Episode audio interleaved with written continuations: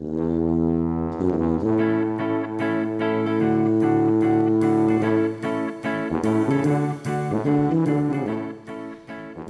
ønsker velkommen til ei ny sending av Vekas utvalgte, og i dag blir årets eh, turistsommer et av temaene vi skal innom. For dagens gjest det er nemlig reiselivssjef i Visit Nordfjord, Marita Lindvik. Velkommen til deg. Takk skal du ha.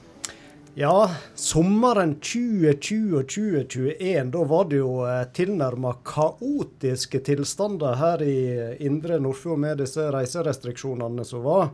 Pga. korona så skulle jo alle i hermetegn enten til Lofoten eller Lodalen. Ja. Og eh, da er jo jeg spent på å høre nå når eh, sommeren er på hell. Hvordan vil du oppsummere sommeren 2022?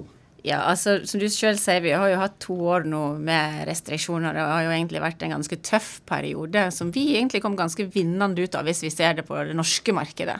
Og det er jo et godt betalt marked. Eh, Men eh, det vi står overfor nå, er jo et verdensbilde i endring. Det, det er tøft. Verden er mer kompleks enn hva en kan si det har vært på en evighet, på lang tid. Altså Du har det med krig, du har med stram økonomi, du har energiutfordringer, og så har du det her med inntjeninga i 2022, da, som du refererer til. Og så var vel ikke været det aller beste, iallfall i i Nei, fellesferiemåneden juli. Nei, og nordmenn reiser jo på vær, ikke sant. Så vi har, ikke, har vi hatt en tøff sesong nå. Uh, men hvis vi ser det positive med dette her, da, Uh, vi må ta det positive med det, så hadde vi altså flere nordmenn i 2022 enn i 2019. Og det er jo det, normal, det man kaller det normalåret. Så en utvikling her er jo Det er positivt for oss. Eh, nå, Utenlandskmarkedet er begynt å komme tilbake, men det er klart at vi kan ikke sitte her og si at det kom opp på det nivået som det var i et normalt år. Så, eh, så det har vært en litt sånn tøff sesong i eh, 2022. Men, men hvordan var dette i forhold til forventningene? Kan du huske hva dere satt og tenkte da i vinter, før det liksom braka løst? Forventninga var vel at vi skulle ha eh, nordmenn eh, litt mindre enn hva vi har hatt de to pandemiåra, men òg at det utenlandske markedet åpna seg opp igjen.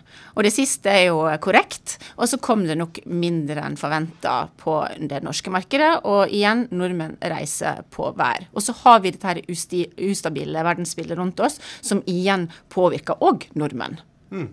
Og så virker det jo som at det er litt forskjeller innad i eh, ja, litt alt etter som hva type turistvirksomhet du driver. Flere hoteller rapporterer jo om ganske bra tall, men så er det kanskje mer camping og den biten. Ja, så- ne, det er helt korrekt. ikke sant? Og, og så hvis du ser på de to åra der vi har fått nordmenn, da, så var det jo camping veldig vinnerne. ikke sant? Så der ser du den eh, bildet, endringsbildet. Men det er helt korrekt igjen. Det er geografiske og bransjemessige altså forskjeller i regionen vår. Det er det. Men hvis vi spoler litt tilbake til da 2020 og 2021, hva, hva var det egentlig som skjedde der? Hvorfor, hvorfor tror du at det, det kom så masse folk til Indre Nordfjord? Vi har produkter. Vi, vi er jo en aktivitetsdestinasjon, opplevelsesdestinasjon. Så det leverer på, vi på. Og vi har et mangfold. Som det sier alltid en fjordmerkevaren vår. Vi har alltid en fjord. Vi er mangfoldige fra det ytterste, innerste til det midterste. Altså i- i- ja, midterste. Vi har alt eh, og vi kan tilby av aktiviteter. Vi treffer nordmennene i aktivitetsbedriftene. Så, så nordmenn er egentlig den ideelle kunden for oss her. Det er den lønnsom eh, kunden, ja. Gjesten. Mm. Ja. Men vi vil òg ha det internasjonale markedet. Vi har tunge aktører innen internasjonalt marked. Men uh, dette her tar litt tid å få det markedet tilbake igjen.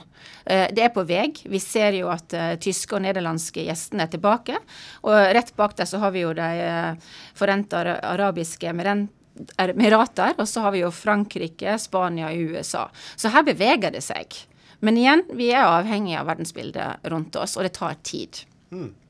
Men når det ble så hektisk som det ble her et eh, par somre, og en blir stilt i en litt sånn jeg vet ikke om jeg skal kalle det en litt sånn ekstrem situasjon, som iallfall var noen uker her, så er det jo av og til sånn at eh, ja, da blir det avdekka litt. OK, det var visst ikke alt som fungerer, og ja, ting må utvikles. Så, Var det ting dere så eh, disse to siste somrene, så ops, vi må kanskje forbedre oss på noe her? Altså det som jeg må si at Grunnlaget for det jeg har lidenskap for å jobbe med det jeg gjør med nå, det er jo at vi faktisk har potensial for utvikling. Altså, jeg, jeg, Vi har noe å strekke oss etter. Det er jo det som gjør at det er kjekt å gå på jobb. ikke sant? Og, eh, og det har Nordfjord òg. Vi kan ikke sitte her og si at vi ikke kan noe å utvikle oss for. Vi kan fortsatt utvikles produktutvikling, samhandling ikke minst, innenfor det bærekraftige reiselivsutviklinga. Uh, vi har dette her med vandreturene våre. Altså, Vi har masse vi kan ta tak i. Det er klart det. Og det som jeg syns har lyst til å dra fram med denne pandemien, det er denne uh, positive uh, retningen vi får nå mot bærekraftig utvikling, og fokuset på det. Vi er inne i en brytningstid nå. Altså det vil si at vi, Når vi utvikler, så skal det gi verdi både fra innbyggerne, lokalsamfunnet, næringsaktørene, kommunen og destinasjonen som en helhet. Der har vi fått et fokus nå gjennom da FNs bærekraftsmål. Eh, det er internasjonale og nasjonale krav og føringer som kommer. Dette her er en riktig retning å bevege seg i. Og Der er vi godt i gang. Og vi jobber nå godt i lag med kommunene våre og gjennom da næringsaktørene eh, via vi og oss i destinasjonsselskapet på å utvikle oss som et merke eh, for bærekraftig destinasjon. Da. Mm. Og dere har jo til og med eh, ansatt en ja. egen person nå som skal Absolutt. jobbe med dette. Ja. Kan du fortelle litt om hva det går ut på? Du, den personen, han eh, For det første så bor han i Gloppen. Han er gift med ei fra Gloppen. Eh, han starta jo 1.8 da. Eh, så det den personen skal gjøre, det er jo rett og slett å bidra da, til å få merka destinasjonen. Han skal være bindeleddet ut mot både aktørene eh, og kommunen for å gjøre de tiltakene som nå vi har beslutta i den handlingsplanen, som da både næringsaktørene og kommunene har uh, fått opp tiltak på og utvikling mot bærekraftig retning. Det er hans jobb å få det gjennomført i lag med kommunene og næringsaktørene. Mm. Han har sikkert navn òg. Alexander. Vi kaller han Alex. Alex, ja. ja. Mm, og han er svensk. Ja. Mm. Så svenskene kommer og skal hjelpe oss med å være bærekraftige som destinasjon. Altså. Absolutt. Og dette, vi gleder oss nå. Det Håpet mitt er jo at denne uh, Anne Alex da, kan få muligheten til å få vært hos kommunene mer. Vil si at vi starter med Gloppen, uh, naturlig nok der han bor. Eh, med at han skal få lov til å få en, en, en skrivepult, skulle jeg si, sånn at han kan være mer aktiv ut mot da, kommunene våre og eh, de tiltakene som er beslutta i handlingsplanen mot bærekraftig reiseliv. Mm. Nå er det jo sikkert en lang liste med krav han skal jobbe mot, men går det an å si litt sånn overordna, hva, hva, er det en legger ditt, hva, hva, er det type krav en skal innfri som mm. uh, reiselivsdestinasjon? da? Altså det, det, jo, Vi følger jo uh, Invasjon Norge sin uh, merkeordning. Det er jo de som er ansvarlig for den. Og der er det jo over 100 indikatorer, som skal, kriterier som skal svares ut. Det er jo alt fra cruise ikke sant, til til altså det ABCDEF-kriterier, som jeg sier, med, med alle disse indikatorene. Så det er et veldig omfattende uh, system. Det tar over to år å bli merka, og etter det så skal man jo bli remerka òg. Uh, så men det jeg kan nevne, da, f.eks., det er jo at vi skal dra i samme retning. ikke sant? Og hvis vi da velger ut i handlingsplanen f.eks. én ting, nemlig vandring, som er aktuelt for destinasjonen, så er det dette med å få opp uh, merking og gradering av stier, lage gode stier, ha parkeringsplasser i tilknytning til stien, også søppel osv. Det, altså, det skal henge hele økosystemet på ett ledd. Uh, og det er det som gjør det her så fantastisk. For tidligere så var det gjerne sånn at vi markedsførte eh, La oss si Trolltunga, da, for å ta et eksempel. Vi husker vel tilbake til hva som skjedde der, og Preikestolen. Eh, det, var, det kom masse folk, og så var ikke den infrastrukturellmessig klar til å ta imot den mengden av folk. Og det er det det dreier seg om. ikke sant? Vi skal få hele eh, systemet til å dra i samme retning og jobbe mot felles mål. Og da, hvis vi da sier at det, skåla er et av de, så må vi da legge til rette med parkering og søppel og tiltak rundt skåla. ikke sant? Det er jo egentlig det det dreier seg om. Mm. Og der har vi vel òg et ganske konkret uh, og greit eksempel i Lodalen, som vi Lodal. har uh, hatt mm. mye fokus på siste åra. Ja, og Lodalen er jo et sant eksempel. og det, det, det, altså, Kort og greit så skal vi få opp de positive ringeffektene og få ned de negative ringeffektene. Det er jo egentlig det det dreier seg om. Mm. Og så hele Selve merke, merkeprosessen dreier seg om å få opp styringsverktøy, gode styringsverktøy, effektive og gode styringsverktøy. Og gjennomføre det. Mm. Så dette er altså dere jobber med mye nå, skjønner jeg? Ja, og, og da kan man jo si at uh, hva er reiseliv, ikke sant? Uh, reiselivsutvikling er jo samfunnsutvikling. Eh, det er jo mye mer enn en, eh, bare at det handler om turister. ikke sant? Det handler jo om å skape, det handler om å utvikle, og så handler det om å markedsføre da gode, lønnsomme, bærekraftige opplevelser. Og da gjelder det enten du kommer da langveisfra, eller om du sjøl har adressa di her lokalt. Og da, igjen, igjen, da, så vil dette her medføre da auka lokal verdiskapning og sysselsetting. Så med andre ord så er det egentlig å auke bolyst og arbeids- og besøkslyst vi jobber med. Mm. Og så eh, du var inne på det, så er jo vi i Indre Nordfjord så er vi på en måte veldig gode på dette. Altså selvfølgelig naturen, den, den mm. har vi, den kan ikke vi styre så mye. Men vi er òg gode på å lage opplevelser tilknyttet den. Men eh, må spørre deg, hva, eh, hva, er du mest stolt over å kunne markedsføre gjennom jobben din? Eh, ja, altså Det jeg er mest stolt av, det er når vi lykkes med samarbeidet, og at vi går i samme retning. Og da syns jeg at merkevareprosessen vi gjennomførte eh, fra når vi gikk fra det gamle reisemålstyret Nordfjord til Visit Nordfjord, eh, med denne misjonen vi hadde den gangen i 2015 for å se at det ble en merkevareprosess. Og resultatet av den, der vi drar i samme retning, det er jeg stolt av. Ikke sant? For da har du en måte å fortelle ting på. Uh, du gjør noen tøffe valg, du er lojal mot disse tøffe valgene, og du, du drar i den samme retningen. Men, men eh. Merker dere at eh, det at en gikk til den type merkevarebygging, fokus på hele Nordfjorden, ja. alltid én fjord, at det gjorde noe med samholdet òg. For ja. det, det, er jo ikke det å stikke under en stol at uh, for en tid tilbake så var jo det litt murring rundt ja. at det heter reisemål Stryn og Nordfjord. Helt korrekt. Ja. Første spørsmål jeg fikk før jeg kom til Stryn, uh, var uh, dette med Stryn. At du kan jo ikke ta vekk Stryn. Um, men se på hvor samlende dette her har vært utover reiselivet. Um, jeg har lyst til å påstå at jeg ikke har sett at vi jobber bedre enn nå samla i Nordfjordregionen. Uh, jeg tror denne prosessen òg har hatt positiv effekt overfor andre, altså andre element som Nordfjordrådet f.eks. sitter og behandler på. Da. Mm. Når jeg spør om hva du er mest stolt av, så må jeg nesten spørre òg er det noe du ser et litt større forbedringspotensial på enn andre i din jobb? Eh, nå må du ta det en gang til. Om jeg ser større potensial Forbedringspotensial i noe innen det du jobber med nå?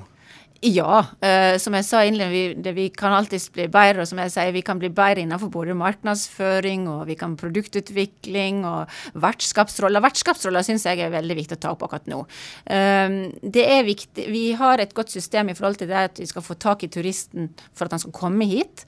Vi har en god uh, strategi på hvordan vi skal snakke til turisten i etterkant. Men hva når turisten er her?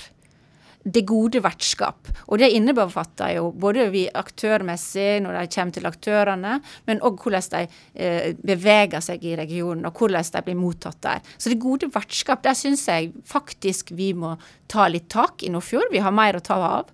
Eh, så syns jeg òg at eh, når eh, Jeg er en del ute og vandrer, da. Jeg elsker å gå i fjellet. Og jeg syns vi har en del å ta derav. Det er noen ganger jeg sjøl går meg vill i naturen vår. Jeg finner ikke rutene.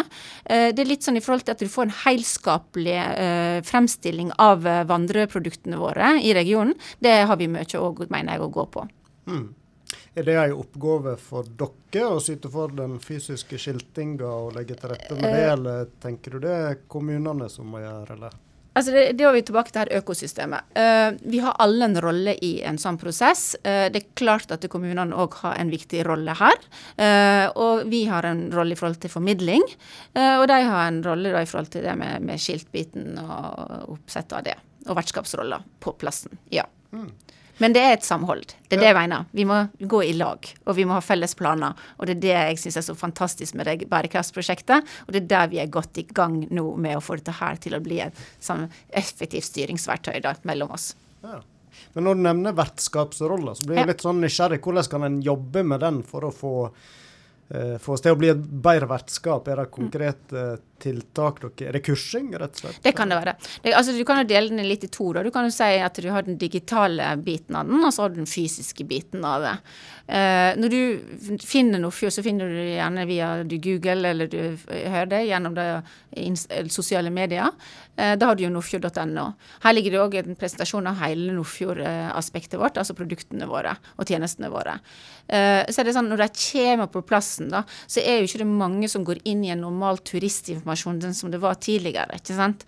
Og hvordan skal du da, når du, hvis du er en aktør og jeg kommer og spør deg om Nordfjord, hvordan skal du som aktøren da vise det til meg? Og da kan du gjennom det gjøre det både uh, fysisk muntlig, da kan vi sertifisere aktørene våre på et godt vertskap, som vi har et krav til det f.eks. Og så kan vi òg ha digitale punkt. For når du går på eh, la oss si en eh, senter, storsenter, så vil du få sånne store bokser der du kan se på etasjemessig. Her kan vi òg få opp hele Nordfjord som et produkt. Det er mange måter å gjøre dette på, men dette her må jo bli i samråd med kommunene våre og aktørene våre, og eventuelt at vi ser på et prosjekt for utvikling av vertskapsroller i Nordfjord. Mm. Og så nevnte du dette med vandring. Det er jo et ja. uh, satsingsfelt uh, en har hatt i, uh, i destinasjonen her over ganske mange år. Og Stryn var vel tidlig ute, eller Nordfjord, tidlig ute med å å satse på vandring eh, ut mot turister. Mm. Er det fortsatt viktig, eller er det nye trender på gang dere jobber mer med nå? Nei, altså, der jeg, tror jeg det, det, Vår oppgave der ligger jo tilrettelegging og markedsføring. Og så tenker jeg at vi må jobbe med kommunene da for å få opp eh, utvalgte kanskje vandrestier, og så bygge dem. Vi kan ikke ta alle på en gang. ikke sant? Vi må utvelge de som er, vi mener er det viktigste først. og så får vi opp stinettet der, vi får opp skiltingen der, og vi får opp eh, startpunkter f.eks. på punkter. Og Da er det vårt oppgave med startpunkt og markedsføring av det. Vi kan trekke stiene, sånn at du får den gjennom eh, mobilen din ikke sant, når du går. Og sånn som ut.no nå, så, så, kan man jo faktisk eh, endre den. Så den er jo ikke sikker hvis du går eh, på tur. Uh, og her vi, kan vi gjøre en jobb i lag med kommunene, uh, og f.eks. frivillige organisasjonene som er ute og merker og graderer stiene. Mm. Så vandring det er noe fortsatt turistene ønsker? Det er Absolutt. derfor de kommer hit? Absolutt. Mm. Absolutt. Ja. Der er Nordfjord sterke. Mm. Og vi er sterke, altså, men vi har et utviklingspotensial uansett om vi er sterke. Ja. Mm. Eh, når du snakker om bærekraft, så eh, må jeg òg eh, spørre deg som reiselivssjef. Nå skal jo eh, dette med cruisekai nummer to det skal jo opp i formannskapet i morgen, faktisk, og diskuteres. Og da må jeg spørre hva, hva du tenker rundt sånne ting. Er det bærekraftig å satse på cruise? Altså, vi må få opp tiltak som forsterker de positive ringvirkningene, og så eh, må vi da redusere de negative ringvirkningene. Uh, og det vi må gjøre, er å sikre at opplevelsen blir god både for de besøkende og de fastboende. Altså Vi må sikre den lokale verdiskapningen blir størst mulig. Og dette her er jo i samarbeid med kommunene våre. da. Uh, vi må se på disse hva restriksjoner man skal sette, og i lag selvfølgelig med havnene. Og uh, Den dialogen har vi nå i lag med det, i det prosjektet vi har i Merket for bærekraftig reisemål. Mm. Hvor involvert er dere i det med utvikling av cruiseturismen her i Nordfjord. Er det litt sånn på sida av det dere driver med, eller er dere inne i prosjekter? og Altså Nå er det kommunene som styrer dette mot uh, men det er klart at skal vi få merke for bærekraftige reisemål, altså bli sert, få det merket, så er cruise en del av de kriteriene. Det man kaller K-kriteriet i den, uh, den uh, merket. Så det, det, er klart at det må på plass, men kommunene har en viktig rolle overfor cruise. Ja. Mm eh, lokalbefolkning, eh, ja, Olden kanskje særlig, da, de eh, har jo uttalt at de opplever det litt som nærmer seg en, et lite sånn smertepunkt i forhold til hvor mange folk en kan ha, kan ha der inne som går i land i løpet av sommersesongen. Mm. Og, hva er ditt inntrykk der? Er det, balanserer vi litt nå på en knivsegg, eller? Eh, det er viktig å lytte til eh, lokalbefolkninga. Som sagt, vi skal jo ha en vinn-vinn-situasjon eh, for alle aktører, og det nevnte jeg jo innledningsvis, for å få et bærekraftig reiselivsutvikling. Både fra de innbyggerne som sagt, og næringsaktørene og kommunen og destinasjonen som en heilskap. Da. Så det, så det, er viktig å se på det. Og et av punktene i denne merket er jo bl.a. å se på hva er det destinasjonen tåler ikke sant, av eh, besøk. Og det gjelder ikke bare cruise. vi var inne på Lodalen ett punkt. Vi har Hoddevika, vi har Vestkapp. Vi har, vi har, mange punkt vi kan diskutere i Nordfjord. Mm. Uh, og det hele dreier seg om hva ønsker vi, og hva er vi i stand til å håndtere. Og det, det, er jo det vi må ta en beslutning på. Og da, når jeg sier vi, så er ikke det destinasjonsselskapet. Det er destinasjonsselskapet, kommunene, aktørene og innbyggerne. Så dette er et fellesskap vi drar i lag. Så, um, så det er viktig at vi tar tempen på hva vi ønsker å være. Hva Nordfjord ønsker å fremstå som, ja. Mm. Reiseliv nå kontra for 15-20 år siden, er det, er det stor forskjell? Ja. Iallfall hvordan en jobber med det. Altså, nå har ikke jeg vært her i så mange år, ja. men uh, de åra jeg, jeg, kom jo i uh, romjula 2014 tilbake til Stryn. Uh, Jobba med det siden den gang. Før det så var jo jeg i IT-bransjen. Eh, men uh, jeg føler at spesielt marknadsmessig er jo det som jeg sier, vi er et verdensbilde i rask endring nå. Eh, og bare den sommeren som har vært nå, har det vært store endringer på hva som fungerer markedsmessig, kontra hva som kommer til å fungere nå i 2023. Så det er klart at det krever en kompetanse å, å jobbe med, med, salg og markedsføring, ja. Mm. Og dette med bærekraft kanskje òg har fått mer fokus, ja. og det er ikke nok å bare tilby noen eh, oppstillingsplasser for bubil lenger. Du skal Nettopp. Og det er positivt. For det, vi gjør det for det beste, som jeg sa, det positive ringvirkningene vi skal få fram. ikke sant? Og det, det, blir bra. Det er nesten som å si det som er bra for lokalbefolkningen, er bra for turisten. Det er jo egentlig det vi må tenke. Du lytter til Vekas utvalgte, og gjest i dag, det er leder Unnskyld. Leder i Visit Nordfjord, Marita Lindvik. Og eh, du er jo ifra Veslebygda, men du har vel egentlig ikke bodd hjemme her i Stryn og Veslebygda siden etter ungdomsskolen? Nei. Eh, populært vi Lisjebygda. Ja. de som er lokale. Ja. Eh, jeg flytta hjemmefra etter ungdomsskolen. Da flytta jeg til Sandane, ikke så langt da, eh, for å gå på eh, Firda gymnas da. Ja. ja. Var det vanlig, eller kanskje mer vanlig at en reiste til Firda ja. da? Ja. Jeg uh, følte uh, Det var ikke uvanlig å flytte hjemmefra det da. Uh, men var jo unge da. Ja, Hvordan var det å begynne på hybel som 15 eller 16 år? Nei, altså, jeg var jo faktisk veldig lite for meg. Uh, og så var jeg jo veldig aktiv. Uh, og absolutt ikke ute på fest i det hele tatt. Sånn at uh, det var faktisk litt vanskelig, syns jeg, den perioden når jeg uh, flytta hjemmefra. Jeg er veldig glad for at jeg hadde søskenbarnet mitt og tante og onkelen min den gangen i det området der. Og min bror var der. Ja. Så de første to åra syns jeg var litt sånn vanskelige, da. Kom hjem igjen i helgene, men så ordna det seg etter hvert og begynte å gå litt ut, jeg òg. Og så fikk man plutselig litt mer venner, da. så siste året, da var jeg med, syns jeg, da. Ja. Mm. Hadde du med deg sånn eh, middagsoppskrifter fra mor da, etter hybelen, eller ble det mest eh... Jeg husker at uh, Du vet at i Nordfjord Kjøtt så hadde du sånn sekundervare. Så jeg husker vi kom hjem igjen, og så delt, fordelte vi disse sekundervarene mellom oss. Og så fikk vi det med oss da. Så på hybelen så hadde jeg en sånn bitte liten komfyr. Så hvis jeg skulle ha med Grandiosa, så måtte jeg dele den i to for å få den inn i, da. Uh, så det var jo mye graut det gikk fra min del, da. Uh, ja. Risegrynsgraut og sånne ting, da. Så ja, så til slutt så flytta jeg og la meg ei venninne da, som kommer fra Loen. Så kan tippe at hun kan kommentere at det har vært mye graut på meg, ja. Det, Eter du graut fortsatt? Eller? Jeg elsker det, faktisk. oh, ja. Så det, ja, det gjør jeg. Ja. Mm.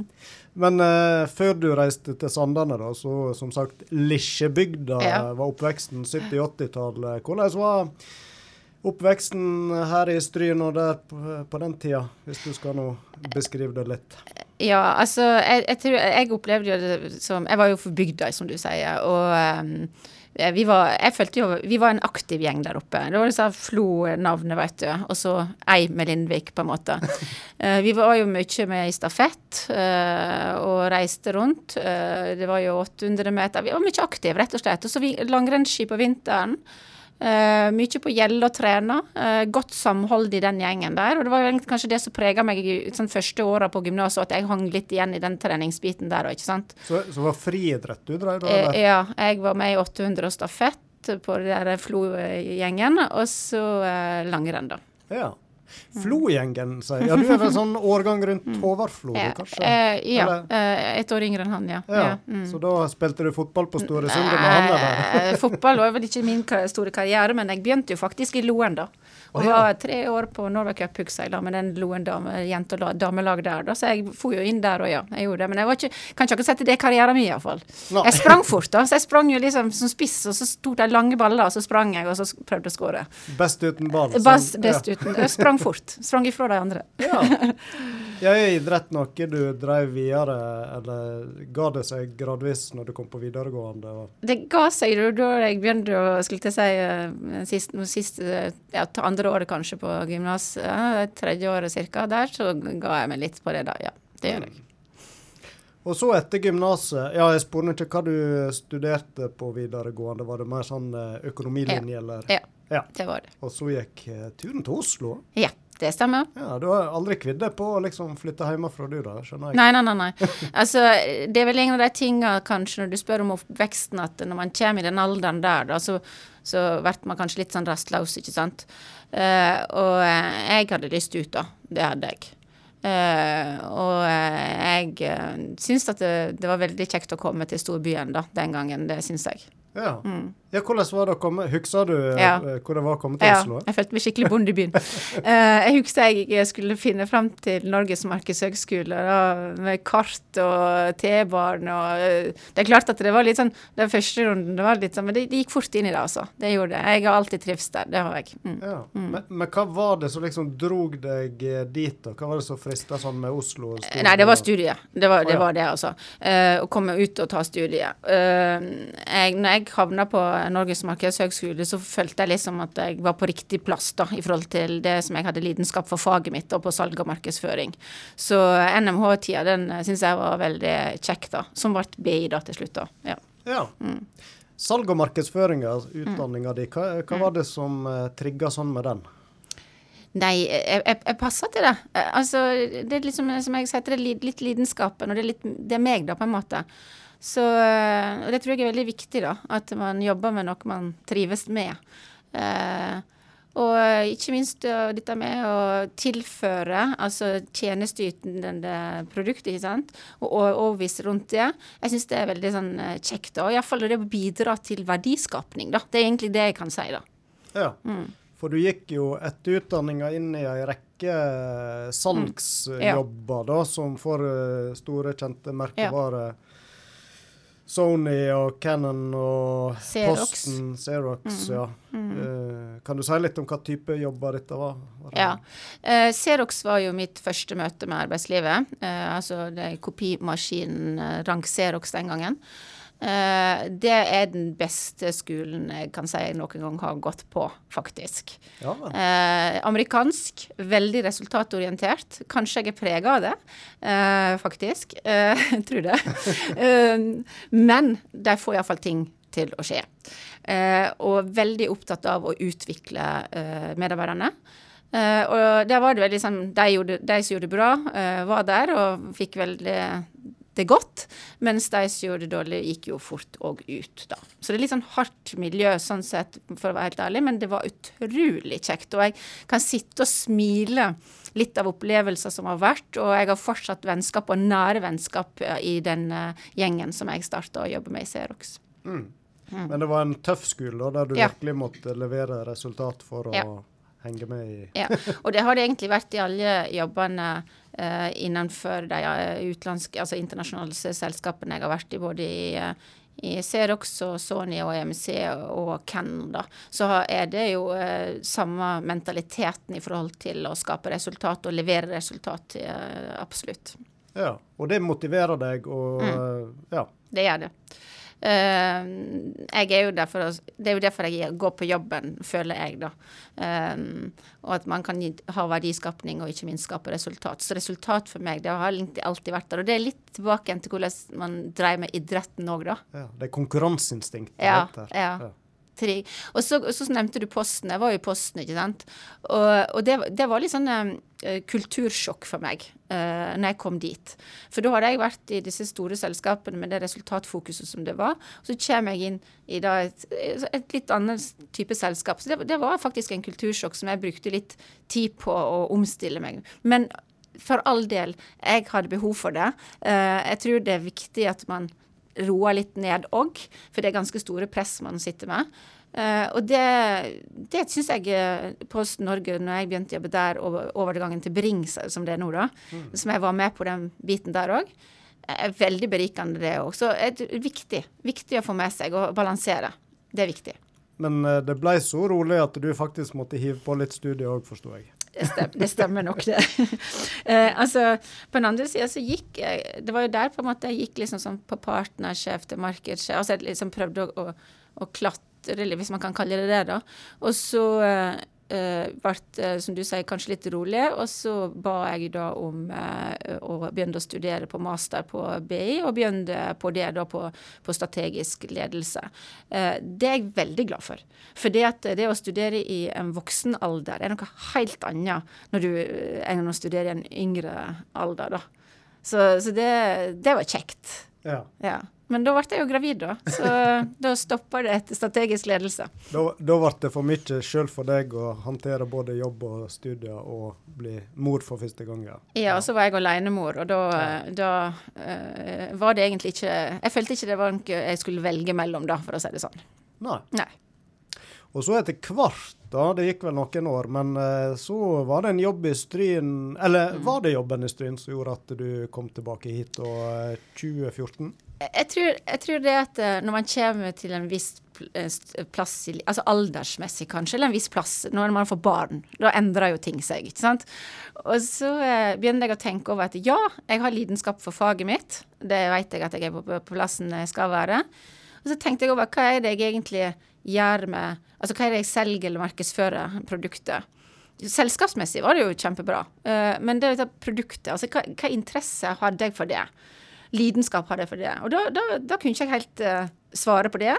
Og når jeg da, det her dukka opp uh, Først så var det en venninne av meg som tipsa meg om denne jobben. Jeg sa tvert nei, uh, fordi jeg var ikke klar for å reise hjem. Jeg hadde det bra. Uh, men så gikk jeg jo på dette intervjuet og fant ut at at nå får jeg både faget og lidenskap for tjeneste og produkter, som er Nordfjord, altså naturen. Ja. Som er interessen min, ikke sant. Og da har du liksom totaliteten. Og så kommer du faktisk hjem igjen til naturen. Og var det én ting jeg savna i Oslo, så var det jo nettopp det med å være i naturen. Altså nå kan du rett og slett bare gå ut døra, så har du hele fruktfat, skulle jeg si, ut, utafor deg, ikke sant? Ja. Så um, ja, ja, var, det, var det stor overgang å ja, gå ifra å selge kopimaskiner, nå var det i Posten den siste jobben din, da, men til å liksom et helt, en opplevelse av natur? Det blir liksom en helt annen type produkt, eller er det? Ja. Jeg tror igjen da, jeg tror det er veldig viktig å jobbe litt med altså Jeg valgte å jobbe med interessene mine, ikke sant? som er naturen. da. Og da, da selger du det med en lidenskap. ikke sant? Mm. Og det, det, tror jeg er viktig. Og det faren med meg tror jeg er faktisk å legge det fra meg. Altså jeg blir nesten ja. på jobb hele tida. Ikke sant? For ja. det er òg uh, interessene mine. Så det tror jeg er faren min, da. At jeg, at jeg er liksom hele tida på jobb. Så sjøl når du er på en fjelltopp, så er du litt på jobb? Ja, altså bare sånn på ferien min, da. Så var jeg i, um, i Camogli, Italia. Uh, og jeg var i Milano. Jeg intervjua jo absolutt alle jeg kunne komme over. Altså, så et Stakkars sønnen min, uh, når jeg skulle sjekke ut for hotellet, så var det liksom sånn Jeg hadde et intervju jeg, med, med, med de som var lederen for hotellet der, fordi at jeg ville vite hvordan de gjorde det med, med besøksforvaltning.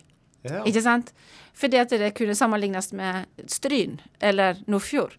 Um, så det gjorde Milano og sånne ting. Så det er litt sånn litt skada, kanskje. Men uh, tok du med deg noe lærdom? Ja, ja, ja, ja, absolutt. Uh, det er veldig viktig å se ut av landet, og så selvfølgelig uh, med, det, det, er mange land som tar i bruk dette med fell, det man kaller turistskatter. ikke sant? Fellesgodefinansiere finansierer. altså, Det hele dreier seg om god besøksforvaltning. Det er det det dreier seg om. Ja. Og det interesserer meg, da. at vi får det. Eh, jeg tror at jeg og du får et godt tilbud rundt oss, er det, er det jo mye større sjanse for at vi har lyst til å bo her, og at ungene våre har lyst til å bo her. Og at ikke minst at de som ikke bor her, har lyst til å komme og jobbe her.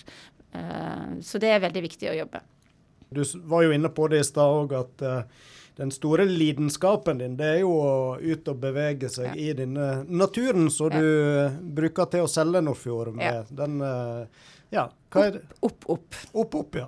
Det er fjelltoppene som gjelder? Ja. Eh, både egentlig eh, Sommer, høst og vinter. Vinter er jo rando jeg syns er kjekt. eh, Topptur. Og høsten så har jeg gjerne hatt lyst til å kunne gå mer i fjellet, men òg faktisk å jakte mer eh, på rype. Eh, det gjorde jeg tidligere, som har ikke vært en del år nå så jeg ikke har gjort det. Eh, og så er det ja, gå i fjellet generelt opp. Altså trene, og både trene, men gå med venner òg, da. Så du tar gjerne med deg hagla òg, altså? Ja, men det er som sagt en stund siden, da. Jeg prøvde meg på en runde i fjor, da. Eh, men det er en stund siden. Jeg, jeg hadde, eller jeg har en venninne da, som flytta opp til nord, eh, som var jaktvenninna mi når vi bodde i Oslo. Og da hadde vi veldig veldig mange gode, fine turer. eh, Både ja, eh, Valdres en del, og her hjemme òg. Jeg har vært oppe i nord òg, faktisk. Uh, men det har blitt litt mindre, for det er ikke det samme å gå alene da, uh, som å gå la med hun som jeg hadde som jaktvenninne, da, som flytta til Mo i Rana. Ja. Mm. Hvor lenge er det Eller hvor, hvor tid var det du begynte med rypejakt, da? Oi. Var det i unge år i Lisjebygda? Nei, nei, nei. nei. Nei. Uh, det var da jeg flytta til Oslo. Uh, vi, det, jeg, jeg klarer ikke helt å huske, faktisk, men jeg mener at uh, jeg gikk iallfall veldig mye på jakt når jeg jobba i Posten. Eh, der var det mange av si, mannfolka da, som jeg var med på tur med, altså kollegaene.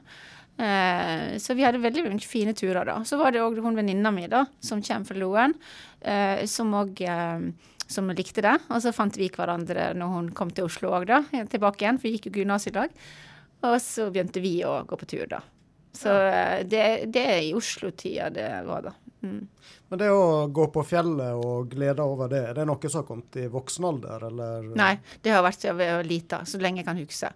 Uh, alltid likt fjellet. Ja. Mm. Og så ble du vel litt underernært når du var i Oslo, så du har mye å ta igjen nå, da? Kan du trygt si.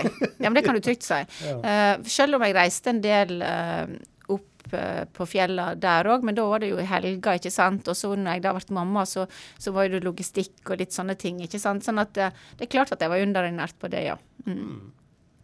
Så han, øh, jeg håper at øh, kanskje du har noen gode turtips, du da, som er mye rundt omkring. Mm. øh, Hva er favoritten hvis vi tar nærområdet, da? Oi. Um, jeg må nå få lov til å si marsjehunder, da.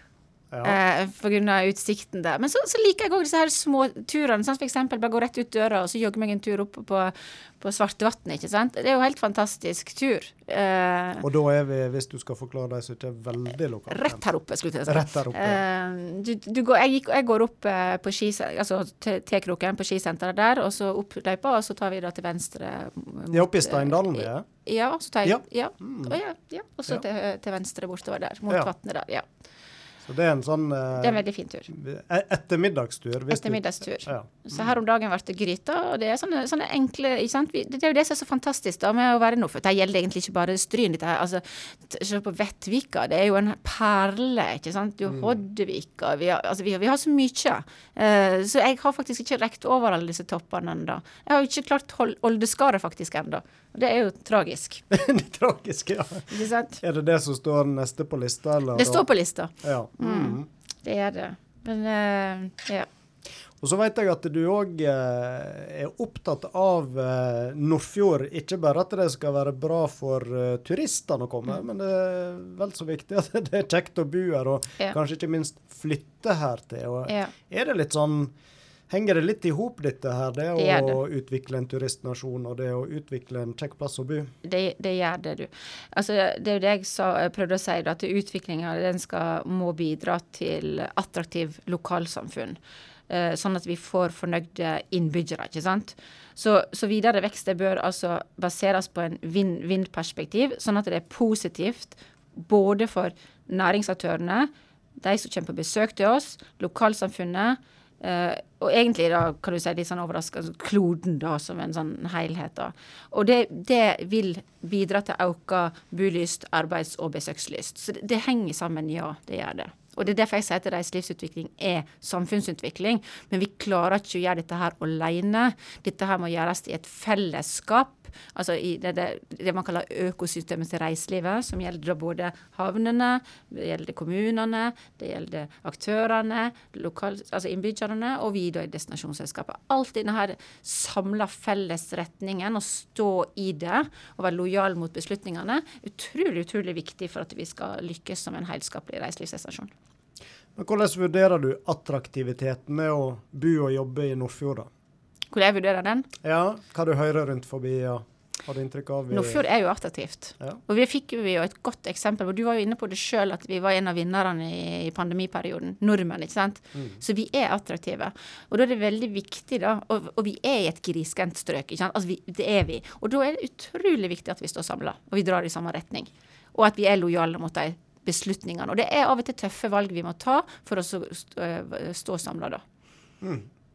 Er det noen eh, tilbud du tenker eh, vi som innbyggere ja, savner, da, som òg kan komme turistene til gode? Er det noen sånne fellesprosjekt en kunne jobba med her i, i Indre Nordfjord? Altså, Det jeg har lagt merke til sånn, når man er, Hvis jeg tar Stry nord, ikke sant? Så, så, er det mange som savner disse her med det med, med å få litt sånn ekstra god uh, plass, altså en plass å gå ut og ete. som er litt sånn, Det er det mange som kommenterer, da. Uh, så jeg tror at vi har en del å gjøre med lokalmat, jeg. Ja. Altså Bruke lokale råvarer og få fram det og stoltheten rundt det. Og ikke minst liksom hvordan man lager den der. Vi har masse, masse tradisjon rundt det, ikke sant? Mat er jo tydeligvis noe så uh fenga. Vi så jo denne nyvinninga Streetfood-festivalen. Mm. Det var jo uh, veldig god oppslutning. Godt eksempel på det vi er inne på nå, mm. som er positivt. Mm. Ja. Er det andre trender du tenker at vi uh, bør hive oss på? Mat er jo én ting. Eh, veldig Altså Kultur og, og lokalmat er jo krydderet overfor den som aktivitetsstasjonen som vi er nå, da. Så, men jeg tenker vi må ta tak i de tingene vi er sterke på, og forsterke dem. Og så må vi òg se på produktutvikling i tillegg. Men det er viktig at vi nå forsterker òg det vi allerede har. Og vi er veldig eh, attraktive i forhold til det her med aktivitet og opplevelsedestinasjon i Nordfjord. Mm. Tida begynner så smått å tikke fra, så jeg tenker vi skal bevege oss inn på eh, siste spørsmål jeg hadde notert meg her. Og da hadde jeg lyst til at du skal prøve å se litt inn i glasskula. Nå har vi sett hvordan eller egentlig sett hvor uforutsigbar uh, denne verden er. Og det speiler seg igjen i turismen òg disse siste åra. Hva, hva, tenker du om neste sesong? Tør dere å spå noe, eller mm. er det Ja. Mm.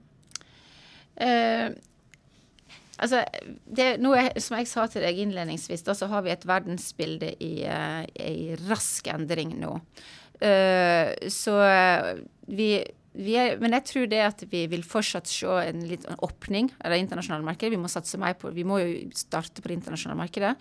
Uh, og, og, det nasjonale markedet er desidert viktig for oss. Så jeg tror det her uh, kommer til å sigle opp igjen. Jeg tror vi kommer til å få bedre tider. Men vi, vi har fortsatt tøffe tider. Det, mm. det, det, kan ikke jeg si noe annet på. Men uansett så tenker jeg at eh, skal vi klare å lykkes, og dette er liksom, hvis du skal spørre hva jeg ønsker, så, så må vi stå samla. Vi må uh, stå samla om det som er felles for oss. Og så må vi gjøre disse tøffe valgene som jeg har vært inne på. Og så må vi være lojale mot disse valgene. Og så må vi dra i denne samme retningen. Uh, og så er det viktig at vi forstår at denne utviklingen som er rundt oss, koster oss òg økonomi. Altså Vi må ha både økonomi og ressurser avsatt i fellesskapet, altså økosystemet, som jeg nevnte, for at vi skal klare å lykkes. For det, det, det vil koste å, å gjøre den utviklinga som krever for oss å kunne bli en bærekraftig destinasjon. da. Og Da snakker du konkret om disse her fellesgodekostnadene, turistskatt f.eks., for, eksempel, for å løse litt problemer? Det er jo bare et tiltak ikke ja. sant, for å kunne eventuelt løse det, ja. Mm. Mm. Er det noe du tror kommer? Det har jo vært prata om det ganske mange år nå, da. Absolutt. Altså God besøksforvaltning, det er det det dreier seg om. ikke sant? Og så må vi finne en måte vi skal uh, få den uh, kan du si, fotavtrykket uh, betalt på, da. så vi er nødt til å ta en beslutning på hvor hvordan vi vil ha det. Hvor mange vi vil ha, og hvordan vi skal ha dem. Og da må vi ha et form for system for å håndtere det. Eh, jeg kan ikke si hvordan det systemet skal være, for der har vi jo høyere makt over oss i forhold til regjeringsnivå, ikke sant, deres beslutning og NHO Reiseliv beslutning. Men lokalt så kan vi ta uh, beslutninger. Men da må jo alle være enige om det, ikke sant, på hvordan man skal utøve det. Men en form for, uh, for ordning må til. Om det man skal kalle det turistskatt, eller hva man vil kalle det. det. Mm. Hva nasjoner er det du håper du ser mer av til neste år i Stryn og Nordfjorda? Vi vil ha flere eh, internasjonale turister, men vi vil òg ha flere nordmenn. Så vi jobber Ja takk, begge deler. Ja takk, begge deler. Men vi må ha de gode, lønnsomme turistene. Det er de vi er ute etter. Mm. Da håper vi på det, og så håper vi på mer normale tider på alle vis framover. Ikke bare i turistnæringa, men ellers òg. Tusen takk, Marita Lindvik, for en veldig kjekk prat. Lært litt nytt både om deg og om turisme. Takk for at jeg fikk lov å komme.